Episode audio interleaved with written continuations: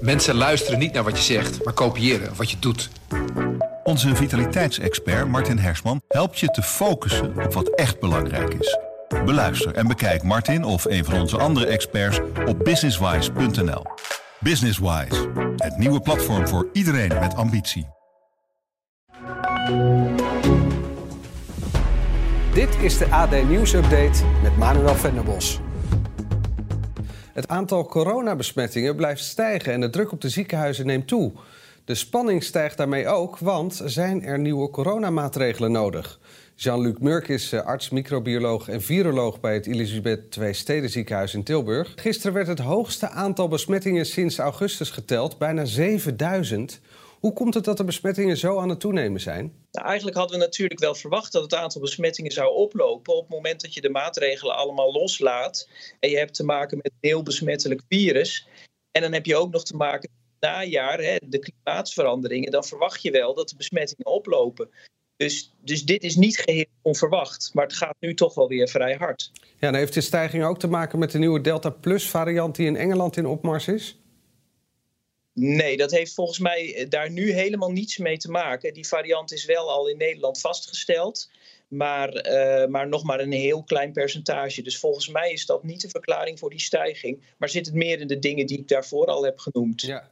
Het, eh, volgens het RIVM is er nog geen reden om ons ongerust te maken. Maar onder andere de PvdA wil dat het OMT met spoed bij elkaar komt. Ben je het daarmee eens? Nou ja, ik vind echt dat de vinger wel heel goed aan de pols moet worden gehouden. Omdat je namelijk niet achter de feiten wilt aanlopen. Dat hebben we in het verleden vaak genoeg gedaan. En als je dus ziet dat het enorm aan het oplopen is, het aantal ziekenhuisopnames, ja, dan, dan kun je natuurlijk wachten totdat je je wel grote zorgen maakt. Maar dan ben je wel vrij laat.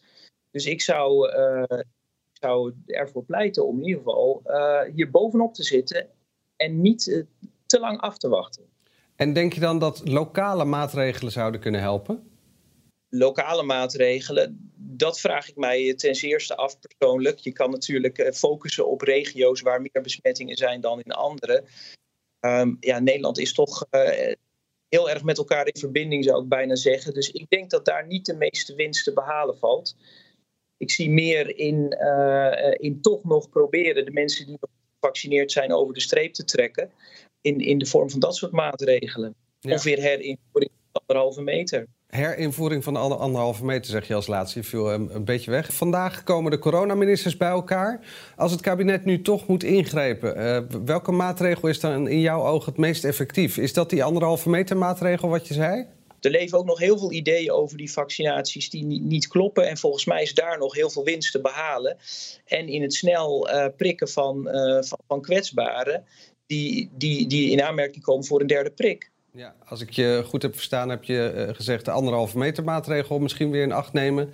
En mensen toch nog over de streep trekken die nog geen vaccinatie hebben gehad. En de meest kwetsbaren zelfs een derde prik toedienen. Ja, dat, dat is correct. Zonneauto's van de beste technische universiteiten en hogescholen racen vanaf vandaag tegen elkaar in de woestijn van Marokko. De Solar Challenge 2021 duurt vijf dagen en is 2500 kilometer lang. Niemand minder dan Max Verstappen, die gisteren nog de Grand Prix in Amerika won, heeft nog een videoboodschap voor het team van de TU Delft. Hi Vattenfall Solar Team. This is Max Verstappen. Wishing you good luck for the upcoming solar race with the Nuna 11. Steven Mitchell-Tan is van het uh, Vattenfall-team van de TU Delft. Is dat uh, extra druk als uh, Max Verstappen je aanmoedigt?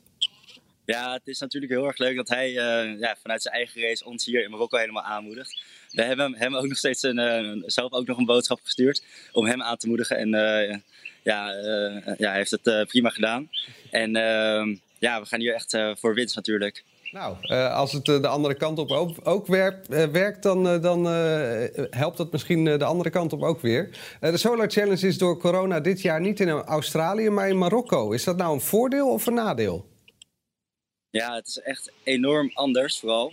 En op het moment dat dingen veranderen, dan zul je zien dat het team dat zich het beste kan aanpassen aan alle omstandigheden, dat die gaat winnen. En ja, voor mijn gevoel zijn wij super goed voorbereid. We zijn hier al een maand lang in Marokko om uh, nu naar 11 onze zonneauto helemaal klaar te maken. En we hebben alles heel goed geoefend met het team. Uh, wat is er dan zo anders? Ja, in uh, deze race heb je niet één lang rechte weg rechtdoor door de woestijn in. Maar je zit, ja, we beginnen hier in de stad, daar ben ik nu. We zijn hier in, hier in Agadir. En dan gaan, we straks door de berg heen. we gaan langs smalle bergpassen waar je te maken hebt met ezelskarren, langzame vrachtwagens, die je allemaal moet inhalen. En vervolgens gaan we de woestijn in. We hebben dan te maken met kamelen die oversteken en allemaal zandstormen. Dus uh, ja, het is echt een stuk anders. En uh, onze auto moet er natuurlijk ook op gebouwd zijn. Ja. We moeten hier bijvoorbeeld die, uh, de helling een stuk, een stuk beter aankunnen. en we moeten een stuk harder kunnen optrekken. En degene die stuurt, die moet dus over stuurmanskunsten beschikken. Ja, precies. Ja. En ehm, ja, je moet goed kunnen anticiperen wat er allemaal gaat gebeuren. Ehm, we hebben gisteren nog gezien dat een vrachtwagen plat op zijn zij lag op de weg. En ook daaromheen moet je kunnen manoeuvreren. Hier in Marokko rijden ze soms als gekken. Dus eh, ja, daar moet je goed op geoefend zijn natuurlijk. Nou was er over het vliegverkeer naar Marokko afgelopen week veel te doen geweest. Is jullie team eigenlijk compleet? Ja, we hebben, ja, bijna iedereen is er. Maar we missen nog één iemand. En dat is onze teamcoach Mark Lammers. Die is nog in Nederland en die zou eigenlijk heel graag bij de wedstrijd willen zijn. En wij zouden hem ook heel graag erbij willen hebben. Hij heeft zich in de afgelopen races heel erg bewezen dat hij het team helemaal mentaal scherp kan krijgen. Uh, ervoor zorgen dat iedereen in de focus zit en uh, helemaal die race mentaliteit heeft. Um, en ja, die is er dus helaas niet. En we moeten het nu doen, doen zonder hem. We hebben gisteren wel nog even gevideobeld met hem. hij heeft nog de laatste tips meegegeven, ook aan de coureurs die gisteren de kwalificatie hebben gereden.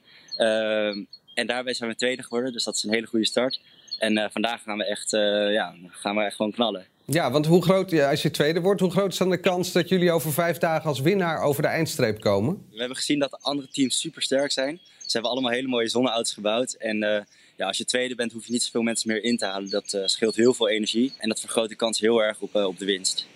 Uitkijken voor overstekende kamelen dan. Steven Mitchell-Tan, dankjewel en heel veel succes.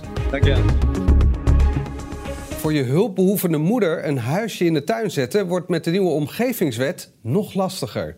GroenLinks maakt zich ernstige zorgen en kaart het probleem aan in de Tweede Kamer. Fleur Kusters is van Mantelzorg NL. Uh, als je besluit voor een mantelzorgwoning voor een hulpbehoevend familielid te, te gaan bouwen, tegen welke problemen loop je dan op? Nou, dat is eigenlijk uh, per gemeente verschillend. Mantelzorgwoningen zijn onder voorwaarden vergunningsvrij. Dat is uh, uh, landelijk gezien zo.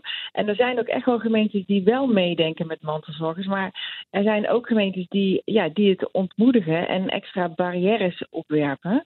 En dat heeft er bijvoorbeeld mee te maken dat, uh, dat in twijfel wordt getrokken of de zorg die je geeft voor je vader uh, of je moeder wel intensief genoeg is. Ja, hoeveel vraag is er eigenlijk naar die mantelzorgwoningen in Nederland? Nou, wij zien aan de mantelzorglijn dat het aantal uh, vragen de afgelopen jaren verdubbelt. Dus in 2019 waren dat er nog 250.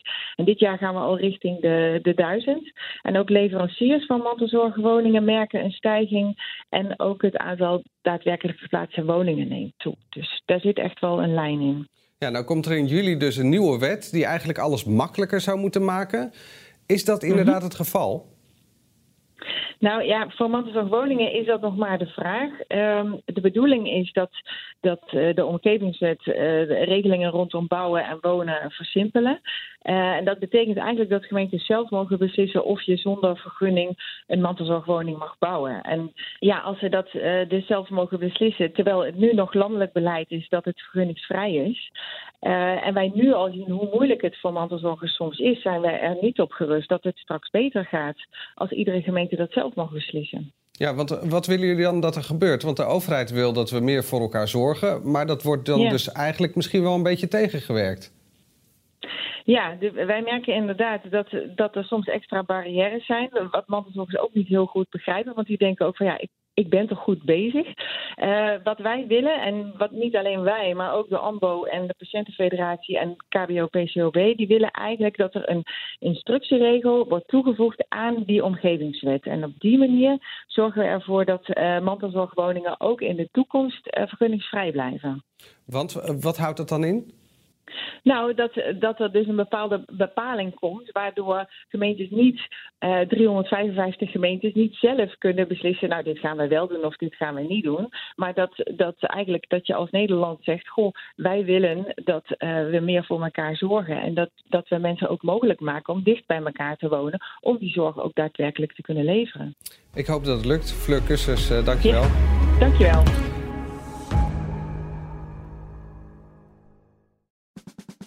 Luister ook naar onze podcast Politiek Dichtbij. In een half uur praten we hierbij over de stand van zaken op het Binnenhof. En niet alleen vanuit de wandelgangen in Den Haag, maar ook vanuit een regionaal perspectief. We zijn te vinden in onze app, op Apple Podcast en op Spotify. En wie zijn wij dan? Wij zijn Leonard Beekman en Tobias den Hartog. Een goede spreker herken je aan de Q&A aan het eind. Onze lifehack-expert Martijn Aslander geeft je adviezen waar je echt wat aan hebt. Beluister en bekijk Martijn of een van onze andere experts op businesswise.nl. Businesswise, het nieuwe platform voor iedereen met ambitie.